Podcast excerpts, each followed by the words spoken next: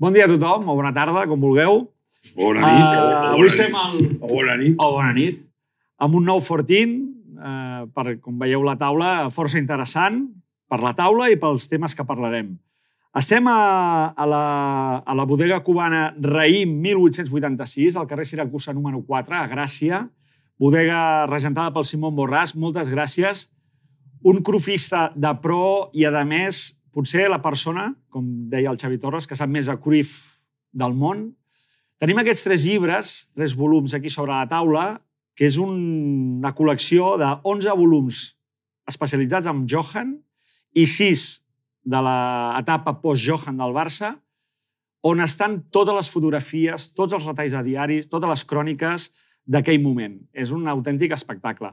Qui vulgui tenir aquests volums força interessants, el Simon té una pàgina a Facebook amb el seu nom on us podreu adreçar amb ell i estarà encantat de, de posar-vos els llibres a la vostra disposició.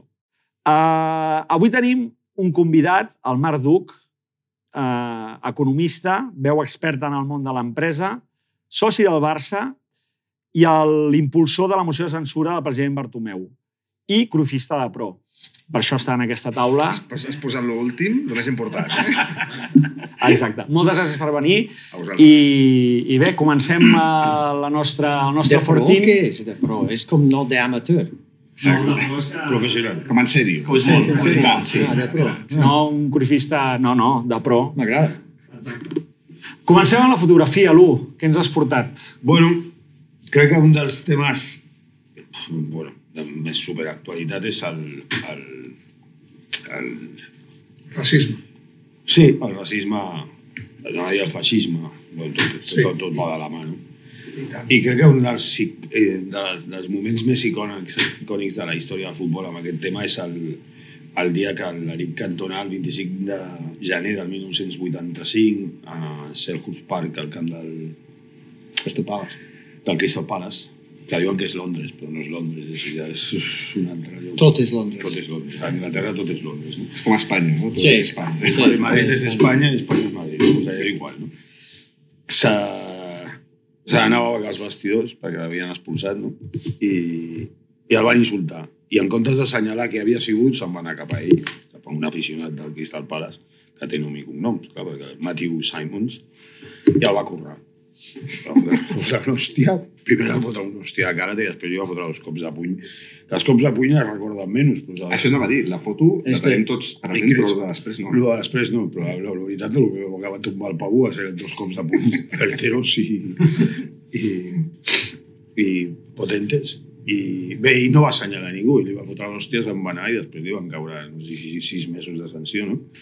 I la seva única defensa al judici va ser que les gaviotes sempre siguen, sempre siguen al barco, no? Una frase que ningú encara sap que, exactament què volia dir, però allà, allà la dejo, se comió la sanció i, i allò va sac- sacsejar no, el futbol anglès. No? Las gaviotas siguen el barco si saben que, sardines? que el barco va deixar... Bueno, no sé com Peix. va anar, però bàsicament va ser les gaviotes Sí, sí. sempre siguen al barco. Tothom es va quedar com dir, no, vale, pues bueno, Eric, lo que tu digues. però bueno, a partir d'aquell dia eh, va canviar moltes coses, no, el futbol anglès. El cas és que ell no va fer com Vinícius i van assenyalar qui, li feia, qui, qui el va ofendre, sinó que senzillament el va currar, molt d'Eric. No? Però no estàs proposant això. No, estic, no, sí, jo estic proposant la violència com a negociació política sempre, però el cas és que bé, eh, el que diuen que aquest país no és racista, mm, no sé d'on ho han tret, que aquest país no és racista, perquè aquest és un país racista, evidentment. Crec que la societat en general, més enllà del futbol, és racista. I bé, eh, deixava el tema aquí per, per parlar segurament del que ha passat aquest cap de setmana i de, de fet del que està passant al futbol espanyol i a la societat espanyola des de fa molt temps. Mm.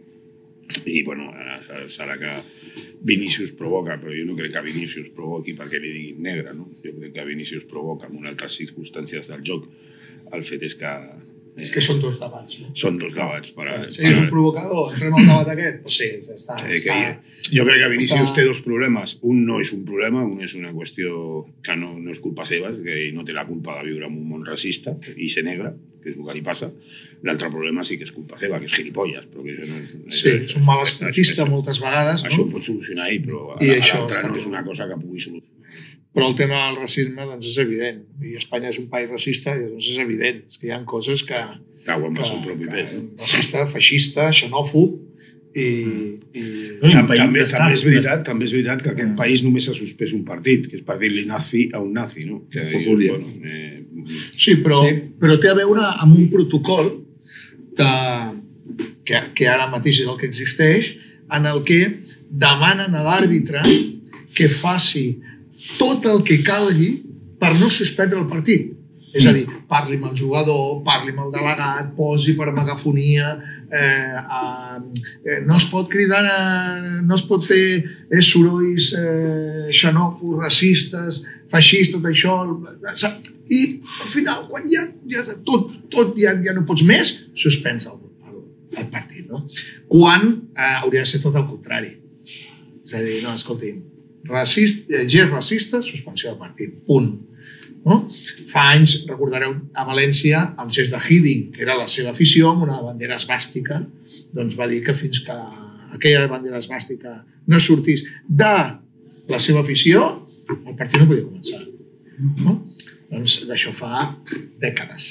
Sí, al final, Per tant, no, les lleis és que estan mal fetes ja. clar, no sé si és la patronal la que ha de fixar les lleis, segur que sí, em, però la, la conducta social als estadis de futbol l'han de corregir els clubs i la Lliga, això és evident, perquè la gent per I les sola- escoles. I les escoles. Sí, però les escoles ja és a més llarg termini. En la immediatesa, qui ha de posar límits és qui els pot posar, que són els clubs i la Lliga. Sí, però a mi el que em sorprèn és que jo a vegades penso, si el Tebas fos negre, segurament els partits es suspendrien quan a un jugador negre se li falta el respecte. Però clar, com el Tebas és un nazi, el seu partit que es va suspendre va ser quan van sí. insultar un nazi es va sentir insultat perquè li deien nazi. Feixistes, sí, sí. Clar, si hagués sigut xino el Tebas i haguessin insultat a un xino, doncs segurament s'hagués suspès el partit perquè un xino es va sentir ofès. No?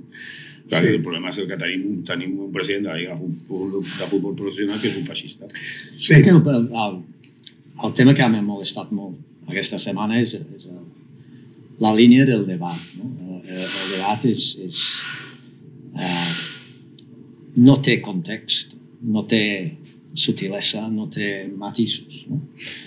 Eh, la primera cosa que s'ha debat així, no, ara? Sí, Ara en general, en general. Però la primera cosa que has d'acceptar és que eh, inclús es pot dir que Espanya és un país racista, ja és una declaració racista. No? O sigui, qualsevol agrupació d'una característica a una nació ja està mal, ja està mal dit. No? I ahí està l'arrel de tot. Eh, la primera cosa que, que s'ha de fer és acceptar que som racistes, no? tots, i que cada país és racista o com mínim xenofòbic. xenofòbic no? eh, com cada país és sexista, i cada país i cada persona és homofòbica o heterofòbica o el que sigui fòbica. Perquè si no acceptes això i reconeixes d'on venim, és impossible canviar la situació. I en això, John Barnes, exfutbolista de Liverpool, ha donat un exemple que era un futbolista davanter, molt exitós, va guanyar tot, i després es va dedicar no, com a, no a, a, la, a l'esport com comentarista ni com, com analista, sinó es va dedicar a la seva història. A la seva història, a la seva família a Jamaica, als, als pares i els avis que havien fet i va des, desenvolupar un discurs sobre el racisme que val la pena escoltar tothom. Perquè ell diu que, mira, al Liverpool a mi em van tirar plàtans cada, cada partit. Però eren incidents racistes. Jo, com jugador negre, no va patir res. Perquè després del partit va anar a casa amb una copa de xampany, un sol millor, i va tenir tot el que volia. El racisme el van patir la família negra que buscava un pis a Liverpool. O la dona sense parella que buscava eh, una ajuda eh, del govern quan venia de, de Uganda o altra colònia britànica. No? O el, el tio gay que volia casar-se en aquest moment amb els, amb els parella. Aquests patien de, dels ismes, no? No el, el tio ric que, que juga ahí. I, I això és sense, sense uh, sentir empatia amb, amb, amb, amb Vinícius i tota la gent que han rebut aquests, aquests crítics. Aleshores, només d'això, i que si no reconeixem el, el problema i el, el, la, uh, què seria la, aquesta reacció emocional que tenim tot a totes les coses que no són com nosaltres. Sí, perquè això és el que deies abans, eh? Al final, el que va passar amb Haaland, amb el pare de Haaland al Bernabéu fa Sí. sí. 15 dies, és exactament el mateix, en una altra dimensió, Mm. però el tractament del pare de Haaland respecte als aficionats del Madrid, em, menyspreant-los, despreciant-los pel simplement, primer per la mofa esportiva pròpia i després pel simple fet de ser eh, sud-europeus, les cultures nord-europees tenen aquest despreci cap al sud-europeu. Mm. És així. A França hi ha problemes amb el, amb el poble magrebí, algerians, senegalesos, etc. A Itàlia hi ha infinitud de problemes també de racisme per, per la immigració que tenen.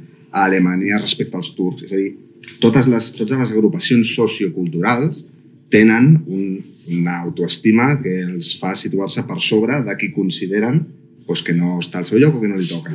Això és inherent a, a qualsevol societat. Conèixer-ho, com dius tu, detectar-ho i atacar-ho és el que has de fer. El que normalment fem és conèixer, detectar i condonar. Sí, però fixa't cap a on va al final tot, perquè cada vegada hi ha més eh, representació política d'extrema dreta Clar, clar, clar. mm, a tot arreu i, i, i Espanya mateix i fins i tot a, a Catalunya comencen a haver eh, ajuntaments i, i, i, i el Parlament, no? Mm, clar, el que passa fora doncs, és important, no? però centrar-nos una miqueta en la polèmica. Al final són 40 anys de feixisme i gairebé 40 més Enquallat. de, de post... Eh, li diuen democràcia. No, postfranquisme, és un postfranquisme. mm, bastant consolidat, no? És El el Franco va morir, però el franquisme no, i està més en totes les institucions, des de la policia, als jutjats, a, a, a la política. La política. Per tant, el procés és llarg. I, i amb això, que ja lamentablement de manera cíclica anem entrant, no? no valen no ser racista. És que s'ha de ser antiracista. Això diu el Marca, la portada del Marca d'avui, diu això, eh? que hem de ser, no cal, no hem de ser només no racistes, sinó que hem de ser És que, és que de Quan ser fes un comentari no, de- del grup eh, proper, has de comentar, has de, has de, has de dir, més sento, però quan és, no diguis això, no diguis això. I és molt difícil, eh, un amic en el que diu privat. quin, quina cosa, Clar. és molt difícil. En el teu àmbit privat és dificilíssim perquè hi ha el tema personal. Però el futbol com a, com a eina, com a mecanisme, com a, Sí. com a congregació de molta gent, té aquesta potència. I aquí és on, crec que és on va el Xavi, és a dir, la força que té el futbol, el, la Lliga, el Barça, el Madrid o qui sigui, per transmetre a dia d'avui una condemna rotunda amb fets, amb actuacions, amb penalitzacions i amb un posicionament clar contra el racisme, és una força incalculable. I és el que amb una normativa molt clara. Sí, però, A partir d'ara la norma és aquesta. Això. però la Això, norma la- existeix, Xavi. Eh? La, la norma existeix. El que passa No, que no, No, però és el, que deia ell. Existeix. pel foro. Perquè eh, eh, tu eh, al final denuncien càntics eh, racistes i els anuncien hi ha una multa i tal. Vale, molt bé. Però és que l'altre dia al Bernabéu, al Guardiola, li van tornar a cantar les cançonetes eh, homòfobes i les cançons... I tant. I no va passar res. No ha- Però són els mateixos que ara es queixen de que el Vinícius el van tractar de, Clar. de, Però és que amb, tot- amb tot- despreci Ja. eh, pel Sí. cul de la seva pell. El per això. els, eh, Per els mateixos que per ara es queixen... no hi ha, no hi ha norma clara. No, una mica sí, però el, el, la norma fa alguna cosa. Però al principi és eh, acceptar i reconèixer. I amb això tu pots canviar les institucions i tu pots començar a educar bé i tu pots començar a fer coses des de l'Ajuntament, des de la Generalitat, des del govern, perquè hi ha aquesta consciència. Però això tarda Ah. molt. Sí, I el problema el tenim ara. Val, doncs el primer pas és dir, mira, sí, Espanya és racista, com és tots els països, però estem intentant. Aleshores, aquestes són les mesures que, que anem a prendre ara mateix. No sé si funcionarà, però anem a fer tal, tal, tal, tal i tal. Som culpables. No, hòstia, no. La majoria d'Espanya no és. Ja. Ah, què, què, què frase? És que és ridícul. Que És ridícul. ha un- Quan tothom ha treballat en qualsevol oficina, has sentit tots els comentaris que et sents cada dia i vas a la ràdio i dius, ah, no, no som. No som. més, És que fa, més fàcil, perquè si no hi hagués un clima popular antiracista, o si el correcte políticament no fos l'antiracisme, què et penses que passaria a un camp de futbol? Passaria el que passava fa 10 anys. Passaria el que passava fa 20 anys. Què passa? Que ara no és... O sigui, la correcció política és ser antiracista perquè és el que toca, evidentment, i molta gent s'inhibeix. Però quan això no passava, Ja. els camps de futbol eren el que eren, i te'n vas a partits de regional, i són el que són. I el nano de, el nano d'un metro 80 davanter de l'Hospitalense, aquell se la sent de tots els colors. És un, El és un, racisme- el- és un reflexe de la societat. Absolutament. El racisme és, és, és a dir, està impregnat absolutament a la societat i és, És el és. i és estructural des de fa, bueno, jo diria que des de sempre. No? O sigui, el rebuig al diferent jo crec que és una, és una característica innata del, de l'ésser humà. I comença Val. quan el govern et sí. diu que ets millor. No comença Clar. quan et diu que l'altre Bueno, és pitjor. clar, hi ha un govern- si el govern diu que aquesta Clar. nació, aquest orgull, la bandera, tot això, quan comença aquest discurs... I els estats són el racistes. racisme cap als altres. L'estat espanyol és un estat que, que va permetre que es matessin no sé quanta gent a la valla de, de Melilla. Vale? Sí, allà, allà, allà hi havia racisme o no hi havia racisme? Jo crec que sí. Perquè, clar, sembla Clar. que només hi ha racisme quan és Vinícius, Per eh? això, per això. És a dir, llavors jo crec que és, és un... El racisme està Va molt... passar fa quatre dies amb Iñaki Williams, per Exactament. exemple. Eh? Llavors també és Un curiós... cas que encara no s'ha resolt. I ara a mi no m'agrada gens, no m'agrada gens, evidentment, amb el debat del racisme no, no, no t'has de posar cap samarreta de cap, de cap equip, no? Dit això, ara ho faré, no? No, però és curiós com, el, com els relats es maneguen, no? És a dir, ara, per què està sobre la taula el tema? He dit perquè la, el Marc avui surt amb una portada de quan no ho havia fet mai. Per exemple, el, el Marc té una portada... Madrid i el- Vinicius. El Marc té una portada que es deia Lenya al Moro, Moro. de fa molts anys, amb, unes, amb una carrera que lluitaven el Rugui i Rei d'Estet, sí. em sembla, és igual. És a dir, per què, és a dir, com, es, com el debat es, es desvirtua, es dona certa importància, perquè Iñaki Williams no, pràcticament va passar desapercebut o no fa això, i ara No s'ha resolt encara. Això és, és, no, un, no resolt. és un subterfugi. Subterfugi. Xavi. És una manera de... Sí. És a dir, és una manera d'esquivar el problema gros, l'elefant a l'habitació, que és que hi ha un problema de racisme a la societat. La manera d'esquivar-lo és centrem-ho Sí. en el cas de Vinícius i explotem això ara i d'aquí sis mesos, si li passa a Iñaki Williams, se'n recordarem ja. Però aquest és un altre? És una, això, per això, per això dic Sí, que sí, és És un un debat. altre debat, És un eh, debat, per és a efecte dir- que no cal barrejar-los. No, no, no, no. Però són diferents coordenades, no? d'un- d'un- Altra història. Però amb el tema del futbol està clar que els principals responsables, jo crec, o que tenen la mà, la paella, o sigui, com es diu, la mà de la paella... La paella pel mànec. La paella pel mànec són els clubs. Els clubs. Dient que el president de la Lliga és feixista. Qui posa el president de la Lliga? Els clubs. Els clubs el posen. Mm. Per tant, ja són el primer responsable. I després els clubs saben perfectament el que tenen als seus estadis. Per, sense anar més lluny, la celebració del Barça vale? no és racisme, però celebra la- el títol de Lliga al camp de l'Espanyol i salten una sèrie d'aficionats al camp i fan tot allò que fan. No saben qui són aquests aficionats al club? No Sí, fotem. Fa ha- molts anys que tenen aquest problema. hi ha càmeres I, ja per. I perquè no, no diguin que és un discurs antiespanyol. El Futbol Club Barcelona, que va ser un problema que va solucionar la porta en el seu primer mandat, amb molts problemes a nivell personal i de família, no ens, ens recordem d'això, Sí, Encara avui va amb, vale? amb seguretat. a la grada jove, que està molt bé, amb segons quins termes d'animar, cantar, em sembla fantàstic. Però quan tu dones un micro, perquè tenen un micro, eh? No, Jordi, per insultar al contrari, sigui el del camp, o contraris que no estan en el camp, ho trobo lamentable. I Jordi, això és el club. Jordi, és que la grada d'animació és obligatòria perquè la Lliga de Futbol La Lliga Professional l'exigeix. És a dir, ara tots els camps, l'altre dia vaig estar a Sevilla, i és bestial com anima. Vull dir que jo crec que és com, com tot, no? Després la, les idees, les bones idees s'acaben prostituint, mm. però la idea bona, que és la de fer una gent que animi i tal, està bé. El problema és que tu, tu i Mossos en el cas nostre i la Policia Nacional en el cas dels espanyols, eh, s'ha de... O sigui, això ho ha de tenir controladíssim. I lamentablement, una bona idea, doncs, I després m'agradaria a mi el, el, el paper dels jugadors, no? Jo crec que el paper dels jugadors podrien tenir, també espero, això és molt romàntic, però també espero una mica d'implicació del, del protagonista del futbol, que és el jugador. Ostres, Sobretot dels no afectats pel racisme. Ah, exacte, efectivament, dels sortit- no afectats. Condé ha fet una, jo crec que un molt bon, una bona declaració, però els no afectats són els que han de sortir. Ah, hòstia, que marxin tu, hòstia. Que... A veure, un moment, un moment. Com has de...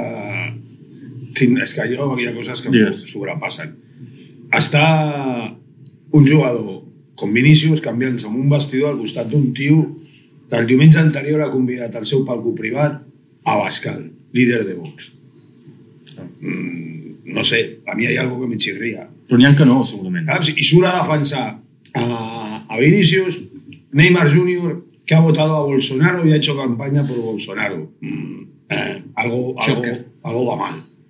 Algo va mal. Que també al final són jugadors de futbol, eh? Bueno, se da igual, són jugadors de, de futbol, però si no, si, si tenen, millor que no pensin, ni no facin segons, Hosti, però- segons quines declaracions. Però n'hi ha que no, hòstia, ja, Clar jo estic no. segur que Bueno, és, un, vale, és una plantilla aleshores, 25. Algú els tindria que explicar a Ah, aquesta gent què està fent. Per exemple, l'altre dia, Sergi Roberto i Valdes surten a donar suport, surten a saludar els aficionats russos que dius, hòstia, segurament hi ha gent a Rússia que veu els partits del Barça que estan contra la guerra, està contra la matar a gent que no té cap Mm. culpa a Ucrània, que està, segurament.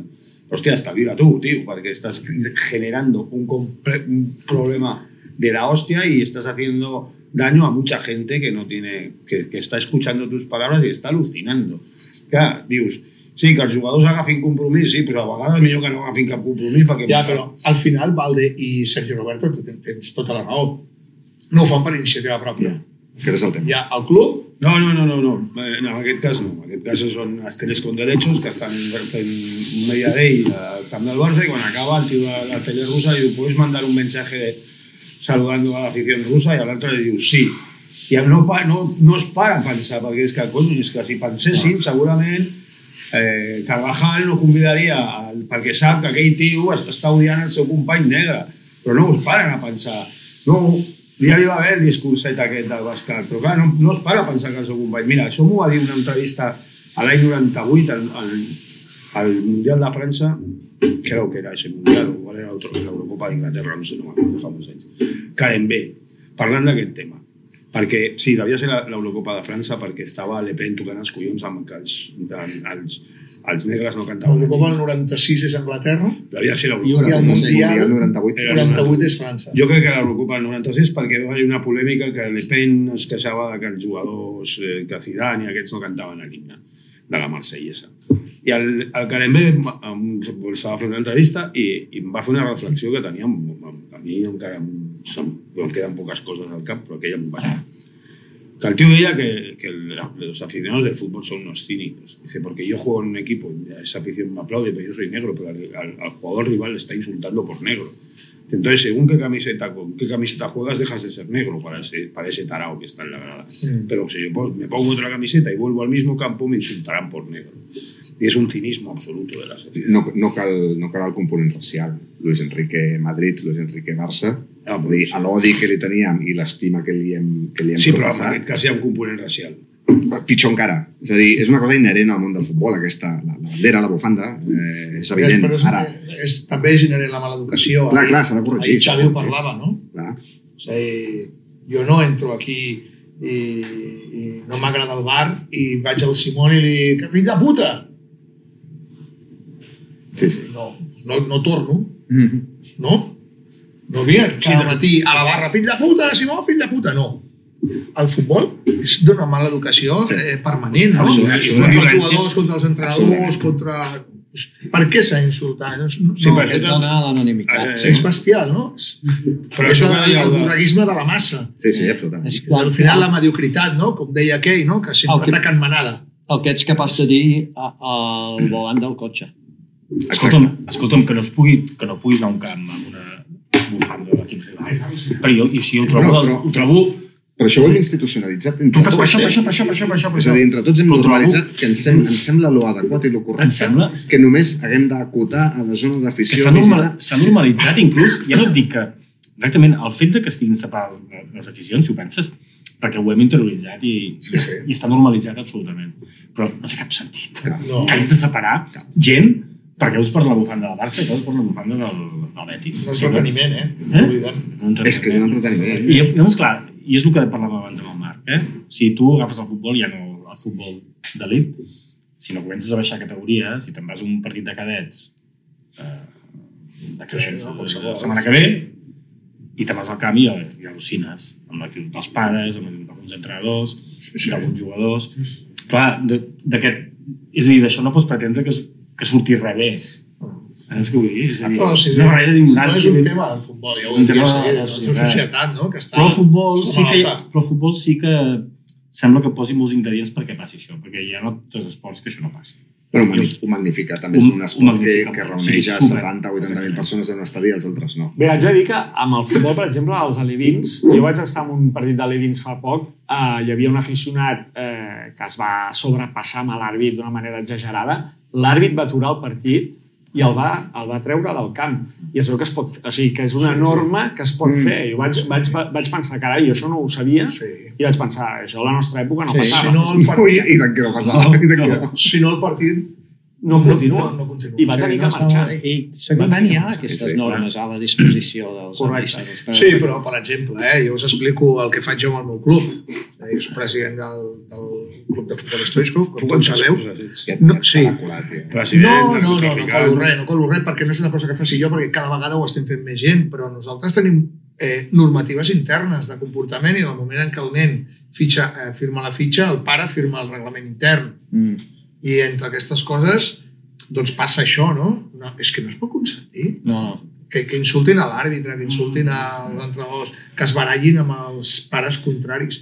És que estem tots tarats i és de societat tarada. Petit missatge d'esperança no? de, de, la, de la història de Mahatma Gandhi, que Que era un racista. la primera denúncia Sí. que va posar en Sud-àfrica era perquè li tractaven als hindús al mateix nivell, nivell dels negres. Ahí. I ell no. I que, mira, la llei diu que hi ha tres nivells, el negre, l'hindú i el blanc. No pots tractar-me al mateix nivell del, del, del de baix. No? De, però ell després va reconèixer, no? De, hòstia, m'he equivocat aquí. De, de, de casa, però mira, fa 100, 100 anys, és molt difícil ser... Sí, però avancem Perfecte. molt a poc a poc, eh? Sí. molt a poc a poc. Sí, però es pot avançar, no? I és un tema... que- Jordi. Toca avançar. Um, Sí. Jordi, Sí, ok. jo, jo aprofitaria que tenim avui el, el Marc, Sí, jo crec que l'hem d'expremar una mica, i tant. eh? l'hem de torturar que, que parli molt. No, i Marc, volia comentar una mica com veus Tio sèrio, eh? Eh? Tio sèrio. Qui jo? Eh, Ah, vas bé. És, és, és un altre tema, puc acabar amb el... Ai, perdona, perdona. Perquè Michael, es relaciona amb És que no volíem amb que parlessis i, i amb el... No, ara ho sé. No, per abans et vaig interrompir. Toca tu, toca tu. El vaig interrompir i va funcionar. Jo, Per això. No és veritat, que acabi el Michael la No, i història... tant, i tant, i tant, perdó, perdó. Ja, ja, Ja, el vaig adoptar. Sí, jo també hi passa. És una bona estratègia. Comença a agradar. Funciona. Sí, sí, sí. sí. Home, ha funcionat? Està molt bé. Estava pensant en, a, a l'escut. Ah, Vaig a, a fer-ho molt ràpid, eh, perquè No, no, tenim no. molts temes avui. I com uh, el City va classificar i tal, i jugaran contra uns uh, grans equips d'antipatia de la història del futbol, no? a, a, a l'Inter, no? almenys des del punt de vista tradicional del, de l'espectador, no? si no ets interista. I penso, "Me miraré a, a l'Inter i a, a, l'escut i no té res, no té res, no té res d'interès, ni, o sigui, hòstia, Inter, dona'm alguna cosa que puc comentar en el podcast. No té Inter. Els colors. en el 1908 tenia aquest escut, que és... El mateix, no? Sí, que és El del Betis, no? molt, molt... Pro... Este és el que van a llançar. Aquesta Només versió aquest nova, any és la nova, que, bueno, diferències poques. Però hi havia en el, en el, l'any 28, quan entrava els feixistes en, en Itàlia i van obligar que, que l'equip canvia la, a l'escut per als típics símbols no, dels els, els, els governs nacionalistes, la corona, la, el creu de, no, no de Sant Jordi, sinó de les cruz, cruzades. Creuades, sí, Eh, creuades. sí. I un pitó, A Pitó, sí. Una serp. una serp, sí, sí, que, que començava i, i durava un any. I en un any l'afició de l'Inter va protestar tant que van poder, poder tornar a, a, A l'original. a, a l'original que va durar fins al bueno, molts anys, molts anys. Amb l'únic parèntesis, quan van fer alguna cosa en- mixta, en el 62, quan van començar amb el catenaccio, i pensaven que el pitó ha de reaparèixer, perquè estrangulava a les seves víctimes, no? bueno, i ara... I aquesta, Tot aquesta explica, és el sí. 62, la... 62, sí, sí, en el 63 van canviar. Però lo interessant és que si tu mires, en el 1900, 1908, l'Inter va començar. I, va, I com va començar?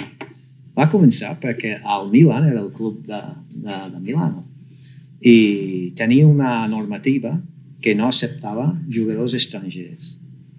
I a l'Inter eren sis directius que van dir això no pot ser. Van anar del Milan i van crear Internacionalis- Internazionale de Milano, no? com un, un, un club que acceptava jugadors de, de tipus. Només amb el parèntesis dels feixistes, que explica tot el que està passant aquí, si tu tens partits que promouen aquestes coses, és el poble que pot dir no. I Molt bé, Michael, molt interessant. Era Va. per tancar el tema del, del, Del, racisme. sí, sí, el racisme i l'escut, l'escut. no?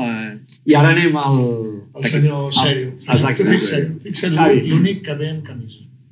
Perquè, m'he- perquè m'heu tret literalment del despatx. No, i que li vaig dir jo, li vaig dir jo, que tots anirem en camisa. Marc, no, eh, ja que tenim aquí, i que domines molt el tema especialment econòmic-social del Barça, ara bé, s'ha acabat la, la temporada, ve un, vindrà un estiu on sortiran molts noms, no? de fitxatges, etc. Veus que econòmica-socialment el Barça podrà fitxar, podrà tenir un equip més competitiu que l'any passat? Ja sé que la pregunta és una mica... No, no, és, és, és senzilla des d'aquí. Molt Des, de fer. des dels despatxos és una altra història. Hem, des d'aquí, tan senzilla com complir el pla de viabilitat que hem presentat a la Lliga i que la Lliga sembla que ens aprovarà i tornar al ràtio 1-1 de la, del fair play financer. Complirem? No ho sé. Ens l'aprovaran? Ens aprovaran? No ho sé, perquè al final la Lliga em, fa una miqueta el, el que li ve de gust. Eh, però si complim, si tot va en ordre, sí, podrem fitxar i en teoria hauríem de poder fer un equip una miqueta més competitiu. No gaire més, tampoc, eh, perquè no, no hi ha massa marge. La regla 1, exactament què és? És que el fair play... Si, si, si es pot explicar. Sí, no, no es pot. O sigui, sincerament, i qualsevol que t'intenti explicar el fair play en quatre tuits o en cinc minuts... No T'està enganyant. És que no es pot, perquè són cent i pico pàgines de normativa. És, és, és normativa espanyola. La normativa espanyola és superprecisa, superdetallada, superexhaustiva. És tant- modèlic en aquest sentit? No. La, la normativa, no. No, no, perquè perquè està pensat, parlen molt bé del de, de, model espanyol. fair play espanyol- No, no està pensat per situacions de normalitat. Per, en, en condicions normals, en què es basa? En què tu no gastis més del que ingresses. En base, és això. Per tant, sí, això és modèlic, sí, però és com molt ABC, és molt bàsic. Què passa? Que té tantes variables i tants condicionants Mm. i tants, tantes coses que depenen de com va aquell pressupost, etc que a la, a la pràctica es, es perverteix a si mateix. Això li ha passat al Barça. La naturalesa del fair play eh, financer és que un club no s'excedeixi, no gasti més del que té o no s'empobreixi, és protegir l'economia del club. Mm. En el moment en què el mateix fair play financer et permet activar palanques i vendre actius per poder solucionar aquesta situació, tu estàs empobrint el teu club quan Mm. vens actius. Mm. Estàs traient coses. Mm. Però això m'ho permet la normativa. Fins que se'ls va encendre la llumeta un dia i van dir, vale, per- això no podem permetre més, Mhm. perquè això està descapitalitzant els clubs. Això és el que passa. Per tant, què vull dir? Que la normativa no és, no és infal·lible, no és perfecta, està, jo crec que bastant mal feta perquè és massa exhaustiva i a l'hora de la veritat condiciona els clubs d'una manera que els impedeix fer l'únic que ha de fer un club de futbol per créixer, que és millorar la seva competitivitat. O sigui, el Barça, o qualsevol club, això li passa al Sevilla, li passa al Betis, tots estan igual, eh? No poden invertir perquè, perquè el retorn és incert, com en tot el món del futbol, i la normativa no els hi permet arriscar-se. Si jo vull donar 100 milions al, al Barça, puc, i el Barça pot acceptar? acceptar Sí, pots fer-ho, pagaràs l'impost de donacions corresponent sí. eh, i la Lliga et computarà això com un ingrés extraordinari. Ah, com eh, com a passa una vegada. D'això, d'aquests 100 milions que tu li donaràs demà al Barça, segons com tinguis la resta de les variables, la Lliga et dirà pots gastar 100 o pots gastar, crec que la regla és 1 a 4, pots gastar Mm. un de cada 4 que t'entren. Vale? Ok. Per què es fa això? Perquè la tendència natural d'un club de futbol és dir vaig a vendre moltes coses, vaig a ingressar molts diners i vaig a reinvertir tot això. Manera de protegir patrimonial el club, patrimonialment el club és vaig a vendre moltes coses, m'ho guardo, m'ho guardo i només en gasto una part. Com que això no hi ha cap dirigent en la faz de la tierra que faci aquest acte de constricció de dir, no, no, vaig a fer calaixet i m'ho vaig a guardar, la Lliga diu, vale, ja et poso jo els límits. Vale? No, clar. Què passa? Que això és, mm, a la pràctica, hosti, limita moltíssim. Du dues preguntes. Una, la gent que estableix si el pla és, de viabilitat és correcte, això que ara avui la Lliga ha dit, eh, una, necessito una setmana més o, o 15 dies més eh, per donar-te el sí o no Barça. Aquesta gent és fiable? És un comitè independent. Eh, tot lo fiable, que pot ser, tot lo fiable que pot ser un comitè independent a Espanya. Per tant, a partir d'aquí... Home, Tu te'n eh, fies? jo és a dir, els criteris són igual pel Barça que pel... Els criteris són igual d'equivocats pel Barça que per la resta de clubs. Per què? Perquè al final, si tu només mires els números... Però no parlo del, del criteri general. No, no. Eh, criteri particular. El Barça ara ha presentat un, un pla i la resta de clubs faran el mateix. Mm.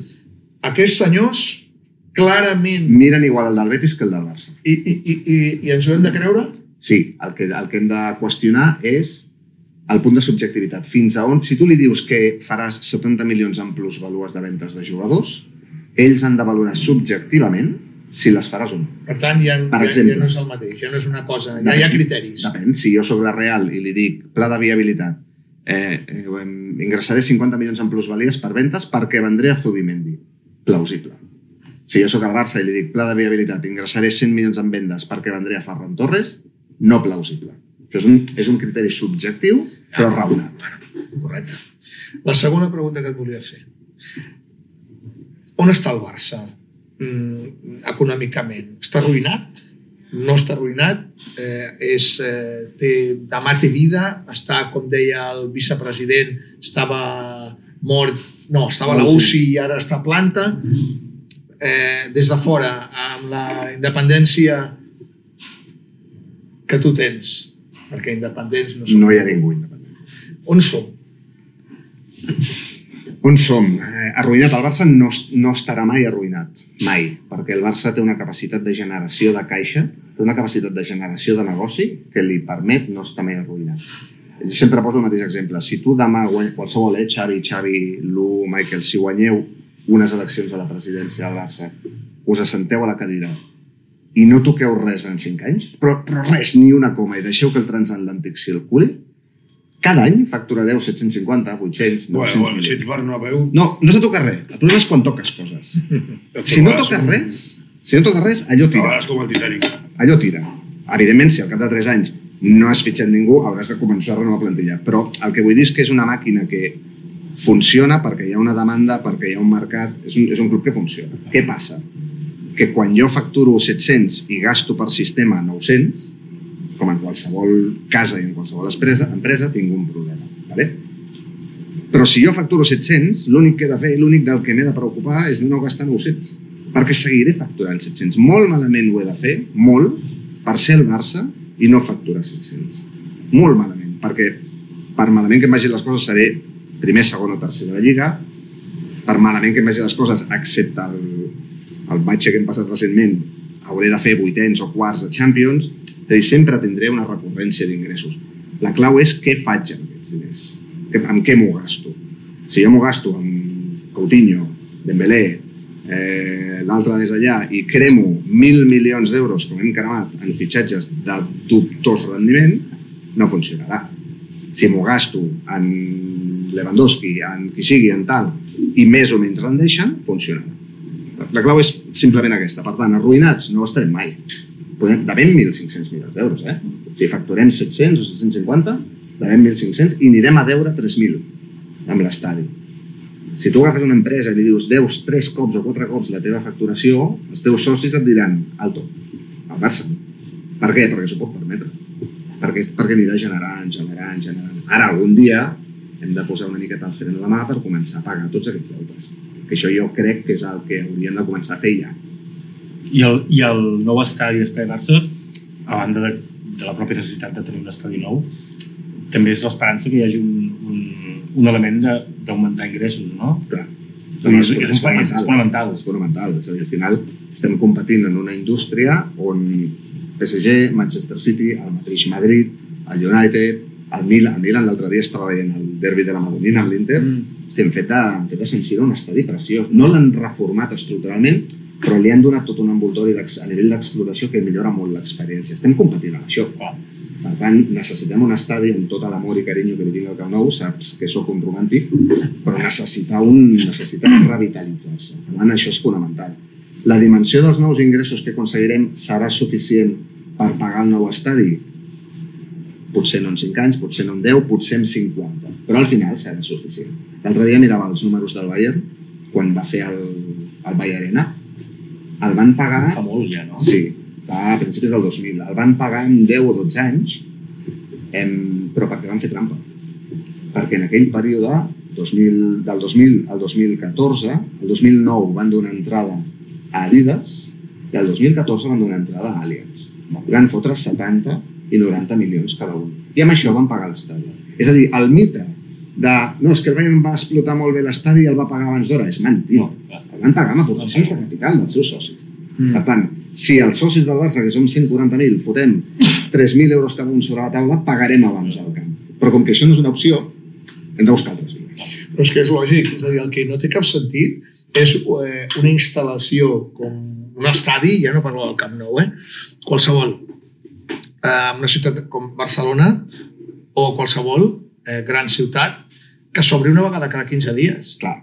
És a dir, allò s'ha d'obrir cada dos dies màxim. Mm. I és un concert o és un, eh, un esdeveniment o és un congrés o és un partit de futbol. O la final de, o un altre de, esport. O la final de la, de la NBA. Un altre esport, no? Sí. Aquí tinc un, Clar, aquí és tinc un això, és, problema. això és, és, és, és una miqueta de sentit comú. Aquí tinc un problema, tenim un problema com a club, i és que el Madrid ha projectat un estadi, de fet ha projectat un estadi 200 milions més car del que havia projectat perquè van afegir el, la gespa retractil. Correcte. Per què?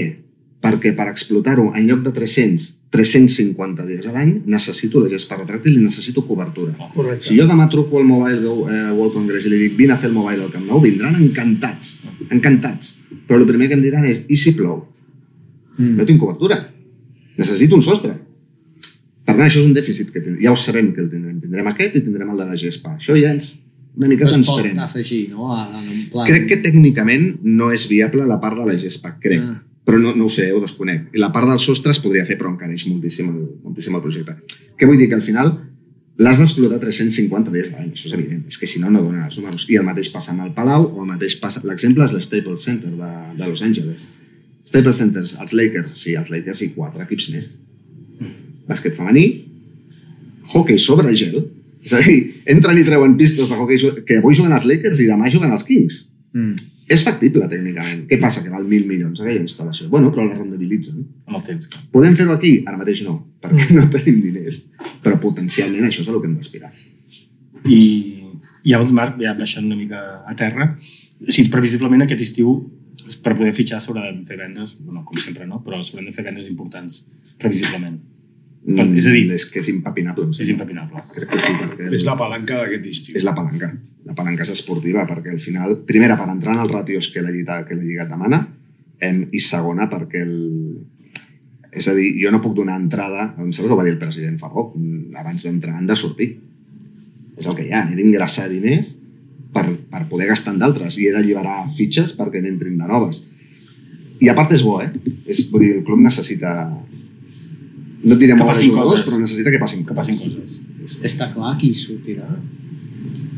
Home, sí, des de la perspectiva comptable, purament, els més atractius a dia d'avui són, jo crec que indubtablement, Ansu i Dembélé perquè són els dos que et generen grans Frenkie? plus values. Frenkie, passa que Fre sí, Frenkie està bastant amortitzat, Ter Stegen està molt amortitzat, Sí, però ara però, tenen, però no tenen mercat. han fet una Rafinha- llei Rafinha d'amortització. té molt poca plusvalua. Per això, Qui, perdó? Rafinha el van fitxar per 50, 60, Però han tret una llei Sí. d'amortització, perquè com el Teba, si no, tienes, si no te gusta esta ley, tengo otra. Tengo otra, exacte. Ara han tret una llei d'amortització que sí, sí, no sé com explicar-ho, perquè no tinc no, m'han costat entendre-ho, impossible explicar-ho. Però si el primer año no sé qué, entonces es- antes amortizabas de una manera y ahora Sí. amortizas de otra, però no m'expliquis per què. També pots recuperar algunes de les despeses Covid i amortitzar-les. És a dir, hi ha diverses variables en aquesta llei un, que et permeten, diguem-ne, rendibilitzar millor una venda a nivell purament comptable. Però a part d'això, que estem parlant doncs, que Rafinha en lloc de, m'ho invento, en lloc de 10 et generarà 14, el gran atractiu, el que, el que jo faria, si, si tingués el tipus de responsabilitat, i no escoltant a la part esportiva, només parlant de la part econòmica. El que faria és agafar els que tenen més plusvalor i I vendre. Això és el nunyisme pur, eh, Marc? No escoltant a la part No vull, esportiva. no vull, no vull ni escoltar-te. No escoltant a la part esportiva. Ara, no si vull ni parles amb Xavi que estem a la casa del Johan. i Xavi et diu no, Ansu Sí, però- sí o sí, o Rafinha sí o sí, doncs és el que hi ha. Però abans el, di- els diners que estaven a la caixa havien d'estar al camp. És que ara no hi ha diners a la caixa. També, és- això també és cert. Bueno, han posat forces diners eh, al camp, diria. I tant. Bueno, tots els que, tots els que hi havia. Sí. No, no n'hi sí, havia sí. més. I en un període... A veure, és veritat que hem passat d'un d'un- d'un club que estava en una depressió de cavall, us recordeu la pretemporada anterior, hi havia un sentiment de... Doncs s'ha guanyat la Lliga i el més important, amb unes, amb unes entrades al... Mm -hmm. Sí, la il·lusió. Però que l'arbre no et deixi veure el bosc, eh? No, no, amb tots els, però, però fins i tot et diria que amb tots els A problemes... Anglaterra funciona absolutament diferent. A Anglaterra et deixen gastar, després ho justificar Clar. el que has fet amb els diners, no? I re recuperar la Això basta. té un, té un punt Però tu de molt... moment et pots gastar el que vulguis. Exacte, té un punt molt lògic, perquè al final, em, si tu estàs en un moment esportiu delicat i has de reflotar la teva plantilla, òbviament hauràs d'invertir. És obvi. Si tens un, un stopper allà que et diu no, no pots gastar-te més de 50 milions, és que jo no puc millorar. Jo no puc competir a Europa si no milloro la meva plantilla. I si no competeixo a Europa no milloro els meus ingressos. Ah. És un peix que es mossega la cua. Per això la normativa d'aquí, insisteixo, està pensada per quan tot va bé i tot està pla i ordenat, per quan el Betis està aspirant a la UEFA, aquella normativa li va Sí, però per Betis no ha pogut ingressar jugadors. És que és el mateix. I ja està esperant a la UEFA i té un club sanejat, té un camp nou, però té el mateix problema. No? I per fer aquest saltet En canvi, competitiu, en canvi, a Anglaterra puja el Nottingham de, de, a, a la Premier i és el club que més es va gastar l'estiu passat. sí, sí. Perquè, També perquè tenen- el, el griego va dir, a veure, Clar. què necessitamos? Tonta pasta. Bueno, ara s'ha salvat, s'ha salvat de miracle, però s'ha salvat el dia que el City és campió de la Premier perquè es folla l'Arsenal. Però l'han deixat gastar el que vulgui. Ara, després, me'n tindràs que justificar... Ara, per exemple, l'Aston Villa té un problema, perquè l'Aston Villa ara sí que li estan dient, nene, que t'has gastat mucho, eh? Este any no te vas a poder... És, aquest any em sembla que pot gastar, però els pròxims dos anys no pot gastar. O sigui, s'ho gastarà tot aquest any. El control existeix, però existeix d'una altra a manera. posteriori. Claro. El d'aquí és preventiu, que això és un dels grans Claro. problemes de la norma d'aquí. El fair play de la UEFA també és a posteriori. És a dir, explica'm el que has fet i en funció del que hagis fet et deixaré fer més o menys. El d'aquí és preventiu, és a dir, ensenya'm el teu pressupost i en base al teu pressupost et deixaré fer més o menys. I és pervers perquè, primer, els pressupostos no s'acaben de al complir mai. te vas a convertir la Liga de Futbol Professional en un sindicato vertical. És que és la patronal, és que mana ell. Per això. És el seu xiringuito. Per això us deia abans, no?, sobre, sobre eh, la higiene d'aquestes persones, perquè al final ell no suma, el resta ha posat a perdona, tres persones El, allà. el que deia el Jordi, Sí, bueno. la teva l'ha posat algú, eh? Sí, sí. Les, Sí, entre d'altres les- Bartomeu. Les normatives les voten els clubs. O sigui, Escolta, no sé com anem de temps, vull fer una altra pregunta. Sí, sí. Eh, en quin escenari tu situes mm, portades que fem des del gran periodisme que tenim avui amb Kimmich, eh, amb, amb... Químics gratis. No, gratis no, perquè li queda un any, li queda un any de contracte i per tant tu has de pagar. Uh, però aquestes grans estrelles, Gundogan, Kimmich, en aquest Barça actual, tot el que sigui sense traspàs o amb un traspàs molt baix és Gundogan, moderada, Gundogan acaba contracte, moderadament viable. Per què dic moderadament? Perquè Gundogan no vindrà sense cobrar. oh, clar, Cobrarà un tanto. I aquest tanto que cobrarà l'he d'alliberar jo de la meva massa salarial. Claro. Dir, molt, sí que complim el, el pla de retallades, que crec que són rebaixar 200 milions les fitxes. Ens ajuda molt Busquets, ens ajuda molt Piqué, esperem que ens ajudi molt Alba. Perquè entre aquests tres, hosti, però tu suma. No, no, Piqué, Piqué suma. Brooks... Espereu que quan heu dit els noms dels jugadors ha passat la Escolta, màquina. Jordi, no, espera, tu? que se queda aquí, puta. Els nostres oients no. Ara torno a repetir això, eh? El tema, del, el tema de les fitxes i els fitxatges, si ens podem treure... Aquest any ja tenim Piqué mig any que no hi és, eh, Busquets acaba contracte, per tant, per l'any que ve ja no tenim la fitxa heretada gran. Alba, l'any que ve té una fitxa absolutament fora de mercat. Si ens poguéssim treure tot això, fem un espai salarial supervaluós. No sé si ens ho podrem treure. Em... I a la pregunta que feia el Xavi, Kimmich, Gundogan, Bernardo Silva, tal, no sé què, tots és millor que jo. Dos diaris esportius, una televisió pública, un canal d'esports, Home, dos dies tertúlies, Aquí cinc. Monotema, cinc si vol. És a dir, tot això s'ha d'omplir. I com ho omplim? Pues, Si no ho veus realista, tu. Ho veig difícil perquè no, Eh, la moment, rebaixa no- salarial és molt difícil. Perdona, no, Molt jo no li faria culpable als diaris esportius. Perquè els diaris esportius foten bandazos amb la morralla, que si va venir un brasileño. Però lo gordo sale del club, eh? Total. Que, que volem a Zubimendi és, és club, que volem a Kimmich és club. que Però tu com a, Gundogan tu és- com a diari Tens que ser estableixes els teus conseqüent. criteris, eh? Sí, bueno, clar, evidentment. I hem d'omplir-ho, hem d'omplir. Al final, el que és, és cert, que surt Tu no poses el Barça quiere a Kimmich y después poses, pero es imposible que venga. Tú, tú deixes amb el Barça quiere a Kimmich. Quererlo lo quiere. La Sí, cosa claro. ja... Eh, ho veig I difícil. jo, Ara, jo vull el Xavi petit. rebaixes, eh, rebaixes salarials, tot l'espai que puguem fer salarialment amb, amb baixes Però això d'aquestes és la grans base. fitxes. Però, és la base, perquè si tu no rebaixes la massa salarial... Perdona, és que això és no la hi ha base, és la base de fa dos anys, o de fa Però, cinc Marc, anys, si m'apures. Són 200 quilos els que has de baixar. Has parlat d'Alba, de Bussi No, no et sortiran, no cal que facis la de, suma que no et sortiran. i de, i de Piqué. És que això, jo sumo i resto i em donen 60, 70. I, i 60, 70 perquè el tercer any, l'últim any, hi ha els, els bonus aquests de final de contracte. Què puc fer? això. En lloc de baixar 200, baixo 100 I de... i ingresso 100. Però llavors m'he d'ocupar d'ingressar 100. Llavors fem els mateixos números. Com ingresso 100? Anso, plus valia... Anem a ser optimistes. 60 milions. Però això són... Això són bueno, clar, t'estalvies aquelles fitxes d'Anso, però Trec la tampoc és fitxa, tant. no, però, però ojo, pel tema del límit salarial hi ha dues coses importants. Una, em trec la fitxa, per tant, rebaixo massa salarial, i dos, genero un ingrés. Sí. Per tant, milloro el meu compte d'explotació. Mm. Anso em genera, per dir alguna cosa, menys 10 en massa salarial, eh, més 50 de plusvalua. Rafinha em generaria menys 12 en massa salarial, més 15-20 en plusvalua. Si anem fent els dos calaixets, el dels ingressos i el de les despeses, al final potser sí que sumem els 200. I quan haguem sumat els 200, aleshores ens hem de posar a inscriure i a fitxar. Per tant, a tornar a engreixar...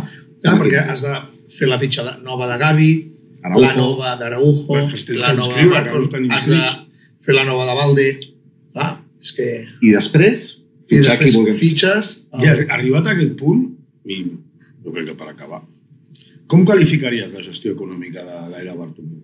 Bartomeu, hòstia, li he fotut una moció de censura, tu, tu veràs. Vale, no, fa, no, faré més, no faré més comentaris. No, no, per, per, per explayar-me una mica. No? Hòstia, millorable. Eh, jo personalment, jo vaig començar amb el, diguem amb l'activisme al voltant del Barça el 2014, eh, just a les acaballes del mandat de, de Sandro. I des del 2014 advertint que els números no quadraven per enlloc. Bartomeu va fer senior notes de deute, Bartomeu ens va endeutar ell al club. Bartomeu va signar aquestes senior notes amb venciments del 2024, més enllà del seu mandat. Eh, va dilapidar mil milions en fitxatges. Els 200 milions nets de plusvalua de Neymar se'ls va fumar. Eh, va tancar tots i cada un dels seus exercicis, sense excepció, amb plusvalua per ventes de jugadors, com si fóssim l'Espanyol, tot el carinyo del món. O sigui, la infàmia econòmica de Bartomeu no, no, té, no hi ha cap altre apel·latiu que li correspongui. Va ser absolutament infame el seu mandat econòmic. I per què li autoritzava la Lliga de Futbol Professional? Perquè el que deia, perquè en situacions de normalitat, en situacions de tu presenta'm un pressupost positiu i jo t'ho aprovo, la seva normativa és inocua, no serveix de res. Només entra en joc quan hi ha desequilibris patrimonials. Com que jo venia jugadors perquè no hi hagués aquest desequilibri, no, no, no passava res. Si la normativa de la Lliga tingués un mínim, de, un mínim de concreció i digués separem ingressos ordinaris d'extraordinaris, això no passaria. Perquè hagués dit, hòstia, tu perds 40 quilos aquest any, però has venut a Paulinho i en guanyes dos. És substancialment diferent la, la fotografia si trec la transferència de jugadors que si la incloc. Perquè si jo per, si aquí al bar obrim la persiana i perdem diners al cap de la nit, però ho solucionem em, escolta, agafem aquesta taula i li venem el, el trapaire per 50 euros i ja, i ja faig el balanç, eh, estic fent trampes perquè el meu negoci perd diners. Això és el que feia Bartomeu. Trampes. Trampes, exacte. I la política econòmica que està fent ara el Jan? O la junta directiva del Jan Laporta? Primera consideració, fan el que poden amb el que tenen. És a dir, l'herència hi és, és evident i és complexíssima. Segona consideració, dubitativa. I anem, anem tard en molts aspectes, disparem sense massa concreció en molts aspectes, no hem tingut la fermesa que havíem de tenir amb algunes decisions, sobretot en l'àmbit salarial. Em, jo trobo a faltar bastanta, bastanta concreció i bastanta duresa. Jo des de fora no, mai, mai vaig aprovar les mates fins al final, eh, quan he llevat a les 3 de sobre, perquè vaig haver de... Copiaves. No, vaig haver de posar-me genolleres i anar al despatx i aleshores vaig mamaves. va- vaig fer un Levinsky. Uh, no, vull dir, mm, a mi em dona bastanta fiabilitat escoltar l'Eduard Romeu, que per exemple la setmana passada va estar de- d'atur uh, per, pels mitjans convencionals, no? No és així? Estic equivocat? No, sí. Estic equivocat. Sí, és a dir, dona fiabilitat perquè tot l'amor que saps que tinc, No sé sumar, ja ho he dit. no, és que no t'explica coses que no t'explica res. Passa que tu, com que no coneixes el sector econòmic, no ho detectes. És com si et, demà et ve Mateu Alemany i et comença a explicar sobre l'estructura tàctica de l'equip, no et pot vendre motos, perquè tu en saps. Romeu, i és un ganadíssim professional, és super solvent, però data aquesta roda d'entrevistes que va fer fa 15 dies, una setmana, concretar, concretar, no va acabar de concretar gran cosa. No va explicar res que no estigués a les memòries del club, i les memòries diuen el que diuen, que és que perdem 200 milions d'explotació ordinària i no hem fet coses substancials. Al contrari, hem augmentat les despeses en molts capítols que no l'havíem d'augmentar per solucionar aquest dèficit. Ara ens hi posarem? Fantàstic, benvingut, però anem tard.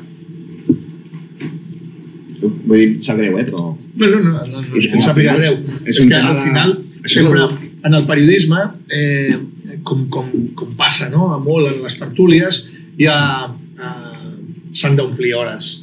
I eh, envien a gent a les tertúlies a parlar de tot. I fan veure que en saben de tot. I si no es donen voltes.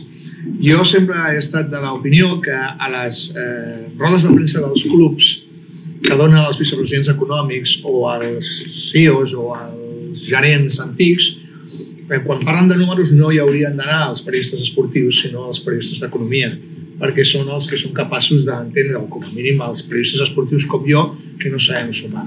No? El, qui hi ha d'anar és el periodista d'economia de, del mitjà, no? perquè és el que és capaç d'entendre si t'està enganyant. és així. És així. I no ha passat. No de la Ara mateixa, comença a passar una mica. de la però- mateixa manera, Nosaltres fèiem país. Sí, al país vosaltres ho Però enviàvem el d'economia, que com no teníem ni puta idea, perquè no teníem Clar. economia... Que És que al final, això és el que, no, però és, és és, tan senzill com el, que, com el que va passar del 2017, sobretot el, el gran problema del Barça va venir el 2017 amb la venda de Neymar, sobretot. Allà es va disparar tot. Del 17 al 20... Del 17 al 19, del 17 al 20, que és quan va venir el Covid, el que passava és que el club presentava uns balanços positius. Pel que us deia abans, perquè els arreglava amb intercanvis neto-silesen, amb ventes de jugadors, amb algun ingrés extraordinari d'alguna altra tipologia, però tu miraves el core del negoci, miraves el compte d'explotació excloent amortitzacions de jugadors i excloent inversions en jugadors i perdent diners. També et dic una cosa, és molt difícil d'entendre els economistes perquè utilitzeu paraules que només No! teniu vosaltres. Fàcil, Lu, eh, el que et deia abans. Hosti, jo obro el bar, en Sí, clar, això és impossible. Però, eh, Lu, ha d'haver gent rara al món. És normal. Clar, és que no ens l'entenem. Clar, Vale, no, pues que no jo t'ho explico en un context que puguem entendre. Jo obro el bar i compro mil, mil, bueno, mil cerveses em, a un euro la cervesa. Venim els periodistes gasto esportius i Veniu vosaltres, no em pagueu ni una, no em pagueu ni una, ingresso 500 I euros, tanco la persiana i he perdut 500 euros. Clar, Què però passa? no Que agafo aquesta nevera, li venc a aquell senyor que passa per davant per 500 euros i el meu compte d'explotació diu que he ingressat 100 i he gastat Sí, 100. però t'has quedat sense nevera. Sense nevera, sense cerveses perquè me les he venut i demà he de tornar a començar. I a la meva butxaca hi ha 500 euros menys. La porta, eh, vull dir, Bartomeu es va, es va vendre la nevera, es va veure les cerveses, És acollonant, Lu, que amb cerveses ho has ho entès. he entès. no sé per, no sé per què. No em diguis per què, però a mi entre de les cerveses jo van trobar res. Fantàstic. eh, et tornarem a convidar, Quan vulgueu. perquè és una meravella escoltar gent que en sap. Uh, anem a acabar No, no, ara es- per- escoltem el Xavi de futbol. amb futbol. Gent que en sap, Ah, gent que en No sap. parles de mi. anem, a, anem a acabar amb el tema futbol i acabarem amb les pinzellades de les xarxes, que tenim dues o tres coses a comentar. Però anem al tema futbol. Eh, L'últim Fortín parlàvem de... Estàvem a l'eliminatòria City-Madrid, la tornada, ha guanyat la Premier, el Barça va guanyar la Lliga, tot i que va perdre l'altre dia contra la Real, i avui juga contra el Valladolid, em sembla. Bueno, una mica... Fem un resum. Sobretot del City, no? Perquè futbolísticament, si el 4-0 va ser... Jo tenia molt clar. Home, a veure, a veure, tots, tots Qual aquí és la repercussió econòmica de tot això, Xavi? Sí. Eh, milions de cerveses. Eh, És la repercussió aficionats. Milions, sí. No hay, hay un pap en crisis en Manchester a és, és molt bo això de les cerveses perquè mm, és, és una despesa de milions d'euros pels que han guanyat i també pels que han perdut. És a dir, aquí no, no És un importa... gran negoci, gran No, ja dic, a Manchester no hi ha guanyes crisi, o- o perds. no hi ha crisi. Eh? El, el senyor Dam eh, sempre està content. Perdona, senyor Bollington, de Manchester. Sí. Jo sóc fidel al senyor Dam. Molt bé. Val. Uh, no, a veure, eh, parlem del City o parlem del Barça perquè diríem que són dos esports diferents llavors estaria bé doncs, eh, que dir-ho, no? Uh, jo crec que el del Barça, ja ho hem parlat durant tot l'any, eh, té un gran mèrit, té un gran mèrit. Eh, per mi sí hi ha hagut una evolució en coses que m'han semblat interessants al llarg de l'any. No sé si avui és el dia de parlar-ho o deixem per, quan acabi la temporada i fem una miqueta d'aquesta evolució però després tens una alegria i, i et eh, refàs amb aquest esport i amb la pilota no? quan veus un partit com el del Manchester City contra el Madrid, no? les coses tan ben fetes i, i que penses eh, això no és per casualitat, és a dir, aquí hi ha tant de treball que un equip que és campió d'Europa com el Madrid, que ha, eh, ha dominat els últims anys a Europa, eh, se'n va a l'Etihad i queda en no res, Esborra. perquè va ser un abús en tota regla el que va passar d'un equip de grans estrelles contra un altre equip també de grans estrelles. No? Eh, A més a més, un equip com el Madrid que és molt enèrgic, amb camavingues, amb, amb, amb jugadors molt físics, com, com Militao, com eh, Vinícius, com Álava, que sé, i queda en no res al costat d'aquell equip de eh, eh, petits però també grans que saben què fer la pilota. Perquè Rodri és molt gran, Stones és molt gran, eh, tots els migcampistes són molt grans, la Violeta és la més gran de totes, etc etc. Vale? Llavors, per mi allò és eh, una obra mestra de, del futbol, art. Per mi allò és art. L'art al final és allò que et desperta emocions. I a mi allò em desperta les emocions. O sigui, a mi allò em va fer eh, molt feliç a veure que encara avui aquestes idees eh, del Johan que eh, permanentment eh, escoltem que estan caducades, que el futbol modern és una altra cosa, que... Eh, de cop, Què, què em fa l'atge que escoltem el múscul i el eh, porra i els eh, de cop i... et passen la mà per la cara aquí. Queda per tancar l'obra no? Eh, de, del Pep al City, no l'obra del Pep, perquè l'obra del Pep ja és consolidadíssima i guanyadíssima. Queda guanyar la final de, contra l'Inter i Però per passos, per passos. Primer han de guanyar la final de la FA Cup. sí, el dia 3 és, Perquè és aquí City United, final de la Cup, El trébol tiene tres hojas, de momento le, han- le han quitado una hoja al trébol i per passos. Però clar, el que està és que a mi el que, el que crec que el, el que ha fet és increïble, no? El, el ràtio de premis guanyat és l'hòstia. L'altre dia escoltava un, un periodista de Madrid dir que Pep se ha consagrado porque ha eliminado al Real Madrid. No, no. Massa, sí, és veritat. Ha eliminat el Real Madrid. Com l'ha eliminat? perquè no l'ha eliminat de qualsevol manera. Passa que aquesta eliminatòria és, és molt semblant a l'any passat, perquè l'any passat ja, Estic completament... ja s'hi podia haver fotut 8 a l'anada. Sí, però van canviar aquells detalls. Però bueno, aquells detalls, al final el futbol són detalls, ja ho deia el Johan, el, el van matar, no? Eh, també era un equip molt més inexpert. detalls i alguna cosa més. Això ja ho parlàvem l'últim 14. Eh, aquest equip és molt més madur, confia molt més en si Mentalment, no? Eh, mentalment i futbolísticament està molt, té molt més cuajo, els jugadors han crescut. Bé, arribats a aquest punt, has aconseguit fer el que l'any passat no vas aconseguir fer per quatre coses, no? Vale. Però no són casualitat, parlades. Evidentment que no són casualitats. Perquè el Bernabéu, amb una 0 i una 1, no es torna boig. Evidentment. Cosa que a l'anada del partit a a l'Ètica l'any passat es va tornar boig i li va donar vida. Total. Saps? Però ha coses que no... Que va, la, la, la famosa entrevista no? que fa al final del partit, de, després del 4-0, no? Movistar li pregunta què ha canviat del partit d'anada a la de tornada. Un interior. La posició d'un Un interior. interior aquí ella, no, no, ningú havia vist res, evidentment, perquè a la gent no li interessa el futbol, no? només li interessa el marcador final. Doncs si guanyes és bo i si no guanyes no. Doncs allò, que el Pep ho va resumir molt, l'alçada d'un interior, M'agrada, això no res treball. molt, Sí, sí, eh, clar. perquè hi ha moltes més El coses, periodista deia que la, és bestial. que, que la consagració del Pep va ser eliminar el Real Madrid. No, per mi la consagració del Pep és fer el que ha fet a la Premier, no? perquè quan va arribar li van, tothom li deia no, tu vienes aquí a ganar com te crees que puedes ganar no? i tu has de guanyar a Anglaterra com juguem nosaltres a Anglaterra perquè si no, no guanyaràs, collons. Ha guanyat cinc Premiers com ell ha volgut guanyar-les. sis anys.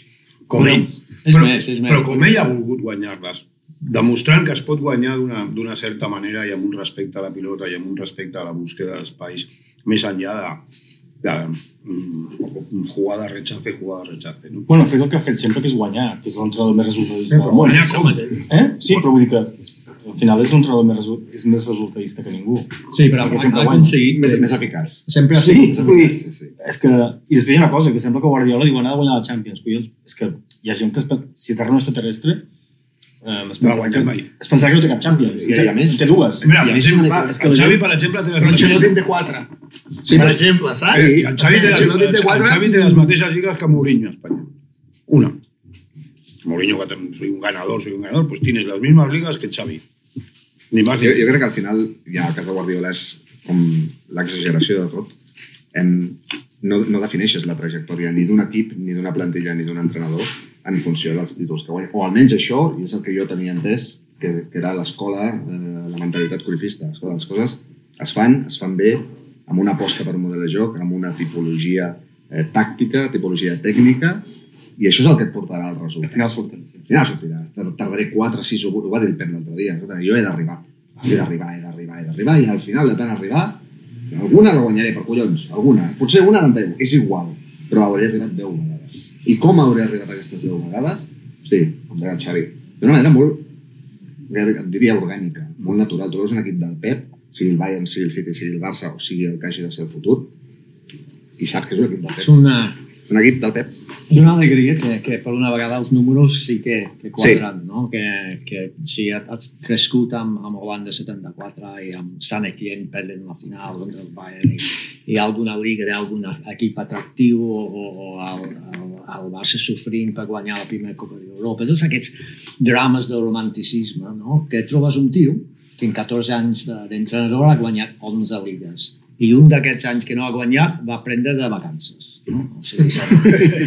Sí, sí. No, O sigui, perquè estava York. sí, sí, exacte. Eh, Per, per, per un costat d'això, i, i mai m'ha interessat, no? però és important el tema de que si jugues bé, guanyes, no? És molt important, això, no, no, és, és, no és casualitat, no? Això s'ha de destacar. Crec que també ha desmuntat dos, dos grans escoles no? de, de futbol. Un és el, uh, l'escola del, del superestrella, que tu pots fitxar i guanyar. No? Ha desmuntat això per mi. Per molt que parlin dels fitxatges i tal, tu poses qualsevol jugador de- d'aquest equip en el, en el Madrid i, i no millora el Madrid. Eh? El Madrid tècnicament estava soberbia, l'altre dia, soberbia. I si tu portes Gundogan aquí, que, que tothom vola, és un gran jugador. Per al minut 10 estaran dient que és lent. Perquè té, sí, sí, sí. Aleshores, tot, tot passarà perquè, perquè és un, un joc d'equip, no? I ha demostrat això. I el segon cosa, la segona cosa que ha demostrat és, és el fin. No el fin, perquè sempre existeix, sempre. I existirà la setmana que ve. És a l'escola dels dos collons, no? Que si tu poses intensitat i Músculo, tens, músculo, tens, més músculo. tens gana de guanyar, com va dir Alan Shearer la, la, la setmana passada, resumint el partit del Madrid, és que el City té molt, molt la gana de- d'èxit. Això ha sigut el se- seu anàlisi del partit. Eh? Com si només has de fer això. Aleshores, ha desmuntat, per mi, com sempre estava desmuntat, per aquesta escola també, quedar en ridícul, que és on ha, ha d'estar sempre. Però és que estic convençut que, que, que el City juga amb molta intensitat i per això guanya les pilotes Bueno, és dividides, que- perquè és si que no guanyes sembla- les pilotes dividides Clar, no, no però tens la pilota. juga amb molta intensitat a, a, el nostre equip del dissabte juga amb tot l'esforç que pot juga amb, amb, amb els nois de 5 anys al pati amb molta intensitat perquè no volen perdre ni el partit de migdia en el evidentment. pati tothom que ha jugat a futbol ha jugat al màxim que podia màxim que podia menys algun, alguna excepció no sé de, que em conteu de, de Maradona fora de casa o no sé què, si ha, ha passejat pel camp, no ho sé, no ho sé. Però jo em costa creure que un futbolista no juga al màxim. Jo crec que la, a, a, al futbol d'elit la intensitat se le presupone a qualsevol Claro, equip guanyador. valor, Això seria lo, seria lo normal, lo bàsic. Em, el, que, el que dius tu, entenc, i estic d'acord, és aplicar aquesta intensitat amb, sobre un model, sobre un sistema, Sí. sobre una manera de jugar. Òbviament, el sistema, el sistema purifista, Guardiola, aquest, aquesta manera de jugar, si no tens la implicació absoluta dels jugadors, Mm. la consciència, el treball col·lectiu, l'ocupació dels espais, quan, quan fins i tot tu has de desgastar-te perquè la maquinària s'engreixi, si no tens això, no funcionarà. Això ho hem vist aquí al Barça moltes vegades. Equips Eh. molt treballats tàcticament o molt en la base del futbol que ens agrada aquí, que en un moment es deixen anar, la pressió alta comença a fallar, ja arribem tard, perdem els duels individuals, i tot el, i tot el, tot el castell es desmunta, és molt fràgil. Mm. I el Pep, per mi, la, gra- a part del coneixement tàctic i tot això, la gràcia que té és tu guanyes 5, 5 premis en 6 anys amb dos plantilles diferents, diguem-ne, perquè els tens enxufats 6 anys. Però, eh, No, per, amb però tres. és un problema d'ell. Sí, no, és no, que al final vas veient que les grans obres de l'última dècada sempre tenen el mateix Clar, entrenador, clar. o moltes vegades tenen el mateix entrenador, no? És a dir, el Pep és un puto assassino. És un puto assassí de, que necessita guanyar. Mm. Eh? És la, la seva adrenalina. I, eh? I, i, i funciona així als seus equips perquè els té a tots collats, no? I és eh, paternal quan toca, però l'altre dia al mig del partit estava fotent crits amb De Bruyne, Mm. per exemple, que és el seu millor jugador, sense cap mena Bueno, de... de, de no, no, no sé si es pot explicar, però Grealish, eh, a la mitja part del partit contra el Madrid, em, el, no sé si és cert perquè m'ho ha explicat, eh, però el concepte que li va transmetre eh, Guardiola era o encares d'una punyetera vegada, perquè tens el talent i la capacitat per fer-ho, i hi ha un treballat i això és el que has de fer, i tens, crec que era Carvajal davant, o encares d'una punyetera vegada, o no tornes a vestir la samarreta del City. Espavila, noi, perquè... Això ho ha, ho ha fet moltes vegades perquè és un puto assassí. I això... perquè és el que toca en aquell moment. Semis no, de és el, Champions que, és el que toca. és el que li toca en la seva funció d'entrenador. I això no treu que eh, és un, un malalt que ha evolucionat el seu, la seva manera de pensar d'una manera bestial. Explico un cas. Ell arriba el primer any a la Premier i imposa el seu mètode. I de cop el seu mètode no servia per res perquè els equips rivals, el Pep anava a pressionar i els equips rivals fotien una puntada, eh, evitaven tota la pressió, el davanter centre animal descarregava, problemes, gol. De fet, el primer any del Pep a la Premier, no, el primer any del Pep a Anglaterra, és l'únic any en la seva vida que no guanya ni un títol. Cap, ni un zero de totes les competicions que juguen. Clar, va dir, "Mm, de què em serveix anar pressionant aquestes condicions si després me la tiraran així. I va haver d'evolucionar fins a, fins a trobar les fórmules perquè els equips rivals continuen fent el mateix. Eh? Però ell ja ha trobat antídots. Això és una cosa. I la segona cosa que per mi el fa etern és el seu tarannà pedagògic. Eh, fins, i, millora, no? El fins i tot amb els entrenadors rivals. S'estima tant el futbol que un entrenador rival, és la famosa anè- anècdota amb, amb Tuchel, no? que ja hem explicat alguna vegada al Fortín. Doncs fins i tot els, els entrenadors rivals li demanen hosti, com m'has ballat? Doncs mira, t'he ballat així. Això obliga a l'entrenador rival a pensar pel següent partit i el Pep també, com ja sap que li farà l'altre, a tornar a pensar en, en com millorar el futbol. No? I per mi això el fa mm, eh, el millor entrenador. És Picasso. Sigui, És Picasso tu l'època azul, l'època cubista, aquest és igual. Aquest ha jugat amb... Sí, però amb la mateixa essència. Sí, bueno, Poden canviar claro, con el- coses. Con el mismo pincel, con el mismo pincel. El, el, El- el... que has fet. el, està clar, el primer any tenia Kichi, Kolarov... No importa. Bueno, però ell va intentar jugar d'una certa manera. Però, clar, a, a l'evolució d'aquella plantilla l'ha fet aquest any jugar amb un tipus que mai hagués imaginat que, que jugaria amb un, amb un nou com Haaland. No? Bueno, doncs, fins que no ha aconseguit que allò funcionés amb Haaland, a l'equip no ha acabat de funcionar. Sí, sí. Però ell li va dir a Haaland, tú ven, que vamos a jugar contigo, a ratos para ti, y tú vas a jugar a ratos para nosotros. I l'altre li diu, ah, Jo, bueno, jo li me mola. tinc una pregunta I, per I ho Xavi. ha aconseguit. Ha jugat amb Haaland, per a Haaland i con Haaland. Perquè, hòstia, el Haaland al final s'ha sentit content de, de jugar pels altres. Amb el millor Gundogan, amb el millor De Bruyne, amb el amb millor un Grealish, extraordinari amb, a Stones, Bernardo, a Stones que l'ha Grealish. convertit amb interior, perquè Grealish que el tenien perdut. Eh, el, el dia del, del Stones, que estava perdut. Stones era un central, era un central amb molt bona sortida de pilota, segurament a millor, en el seu moment la millor sortida de pilota d'Anglaterra, que després em va, em va quedar el primer no. any va, Però va dormir una l'altre dia contra el Real Madrid, el primer gol ve un moviment de, de Stones, que no toca ni la pilota, s'endú al, A l'espai. a la, exacte, se l'endú per deixar espai perquè entri Bernard. I dona profunditat, Clar. Això, això Ah, ho, ho expliques el dia que Stones arriba al City i no s'ho creu ningú. No s'ho creu ni el Chiqui, que és el que el fitxa. Hòstia, acaba passant perquè, perquè el Pep ho veu i, i bum, s'il·lumina, agafa, agafa el pincellet i ho pinta. Dos- dos i, la, i, la, preguntes. I la gent s'ho creu, perquè la gent el segueix. Dos preguntes, Perquè la gent el perquè has posat tu els noms. És el Messias. Ja, ja, però el segueix perquè el que diu, després, Que, per cierto, passa. Chiqui, Passa. Chiqui, Xavi, Chiqui, per Chiqui porta set, ja. exacte. Marc, pregunta. Preguntes per tu. Em, buscava... O sigui, Pep amb Stones o Pep amb Haaland aconsegueix un resultat que és el que buscava amb Chigrinsky i Ibrahimovic? No tinc ni idea. El que pretén amb Ibra és treure's de sobre de tot. I l'operació que en aquell moment es dona és aquesta. Després, mm, Adapta. Home, O intenta. de cop et trobes un monstre com Messi que no el vols posar a la banda, que l'has de posar al mig i Ibra l'has de posar a la banda.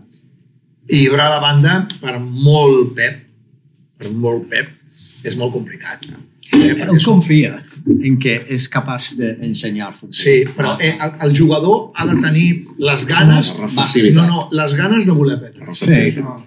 No? I en aquest moment, l'ego d'Ibra va fer que Ah, fos eh. impossible. En aquell moment no és permanent, però Clar, també... L'Stoichkov l'Stoichkov va venir com a davanter centre. I de cop va anar a la banda. Eh, no us podeu imaginar aquelles setmanes com, com eren, eh? Quan acabaven els entrenaments i els partits, no us ho podeu imaginar. L'hem- vist ensenyant-lo a saltar, ja Va. veiem que va costar, però, però allò, ja, allò ja la cosa anava bé, però fora del camp no us podeu imagi arribar a imaginar com, com eren les, les, les tardes i els vespres amb el resto. I després te n'adones que quan ell va, ve- va obrir la ment, el va fer pilotador. No jugant al mig, jugant a fora. No? Llavors hi ha, hi ha coses que eh, so, és molt important que el jugador, no, no el jugador, a la vida, tots tinguem una capacitat de voler aprendre. Tu vas veure a, a Foden jugar de migcampista el, el diumenge? No? Sí, per de, de, de, Sí. de, de, de De Bruyne. Sí, sí. Eh. Espectacular. Espectacular. No, o sigui, va acabar així, eh? acabarà jugant en, en Sí, mig, però sí. té tot aquest Entre fluidesa que sí. necessita... O lateral. vés a Però era la seva posició. Sí. Ell, eh, Foden és el millor jugador del Mundial Juvenil, amb Anglaterra campiona de, del món, jugant aquí. Entre El que passa que no hi ha mitja punta clàssica A a sí. en el seu sistema i aleshores l'ha acabat portant a la banda. Però com és un, jo- un jugador que ha entès el joc, pot jugar d'interior, pot jugar de fals nou, pot jugar de, de Bruyne, pot jugar d'extrem, que jo crec que és una de les grans coses que va aconseguir Johan i que ha assumit Pep, que és eh, que el jugador no jugui per jugar, sinó entengui Què per què fent? fa les coses Què està que fent en aquella posició? Entendre el joc. Jo crec que és el salt d'un gran jugador a un jugador diferent. I això ho agraeixen els jugadors perquè després només els has d'escoltar. La majoria, vamos, algun hi haurà que parli pestes, potser Ibrahimovic, que no va entendre això, Sí. però la resta tots parlen meravelles i al com els ha final, millorat a ho, ells. també ho vam explicar un dia, no? El 96% dels jugadors que va tenir el Johan, Entrenadors. 96% dels jugadors que va tenir el Johan es dediquen al futbol. Entrenadors, eh, no sé, secretaris tècnics, tal. És a dir, aquella els va fer estimar eh, eh, el, el, el futbol. Amb el Pep estic convençut Mira, està passant. que passarà el No, mateix. Està De passant. fet, està passant ja, no? Company, que volia, que sempre havia encar- encaminat la seva carrera per ser un home de despatxos, tenia carrera econòmica i tal, acaba de pujar a la Premier amb el... Amb el Company, Xavi, Ai. eh, Mascherano... Gundogan eh, ja s'ha tret, el títol d'entrenador i, i vol acabar sent entrenador. El de Brighton jugava amb ell i era De totes formes, una, discípulo de su... de totes formes, una mica de físic al mig del camp del City aniria bé. No, no, no, Una mica ja de, una mica de múscul. Sí, ja el té. té a Algú, algú que faci tackles. Estàs demanant... Sí, això, això li van preguntar un dia al Pep en una rueda de prensa. Escolteu, ¿Por qué no entrenas El los fútbol, tacos? ah, ¿Cómo se eh, entrena? ¿Cómo se entrena los tacos? ho deixem no, aquí, no no, per entrenar tackles. Sí, sí, No els comentaris, xarxes ho deixem per la setmana que ve. Home, no. Sí, que ha sigut, ha sigut, ha sigut molt llarg avui, està fantàstic, vull dir, tenim un fortín collonut. Moltes gràcies a tots. És un cop fortín, més. és un Gràcies, Marc, sense per la gràcies. teva presència.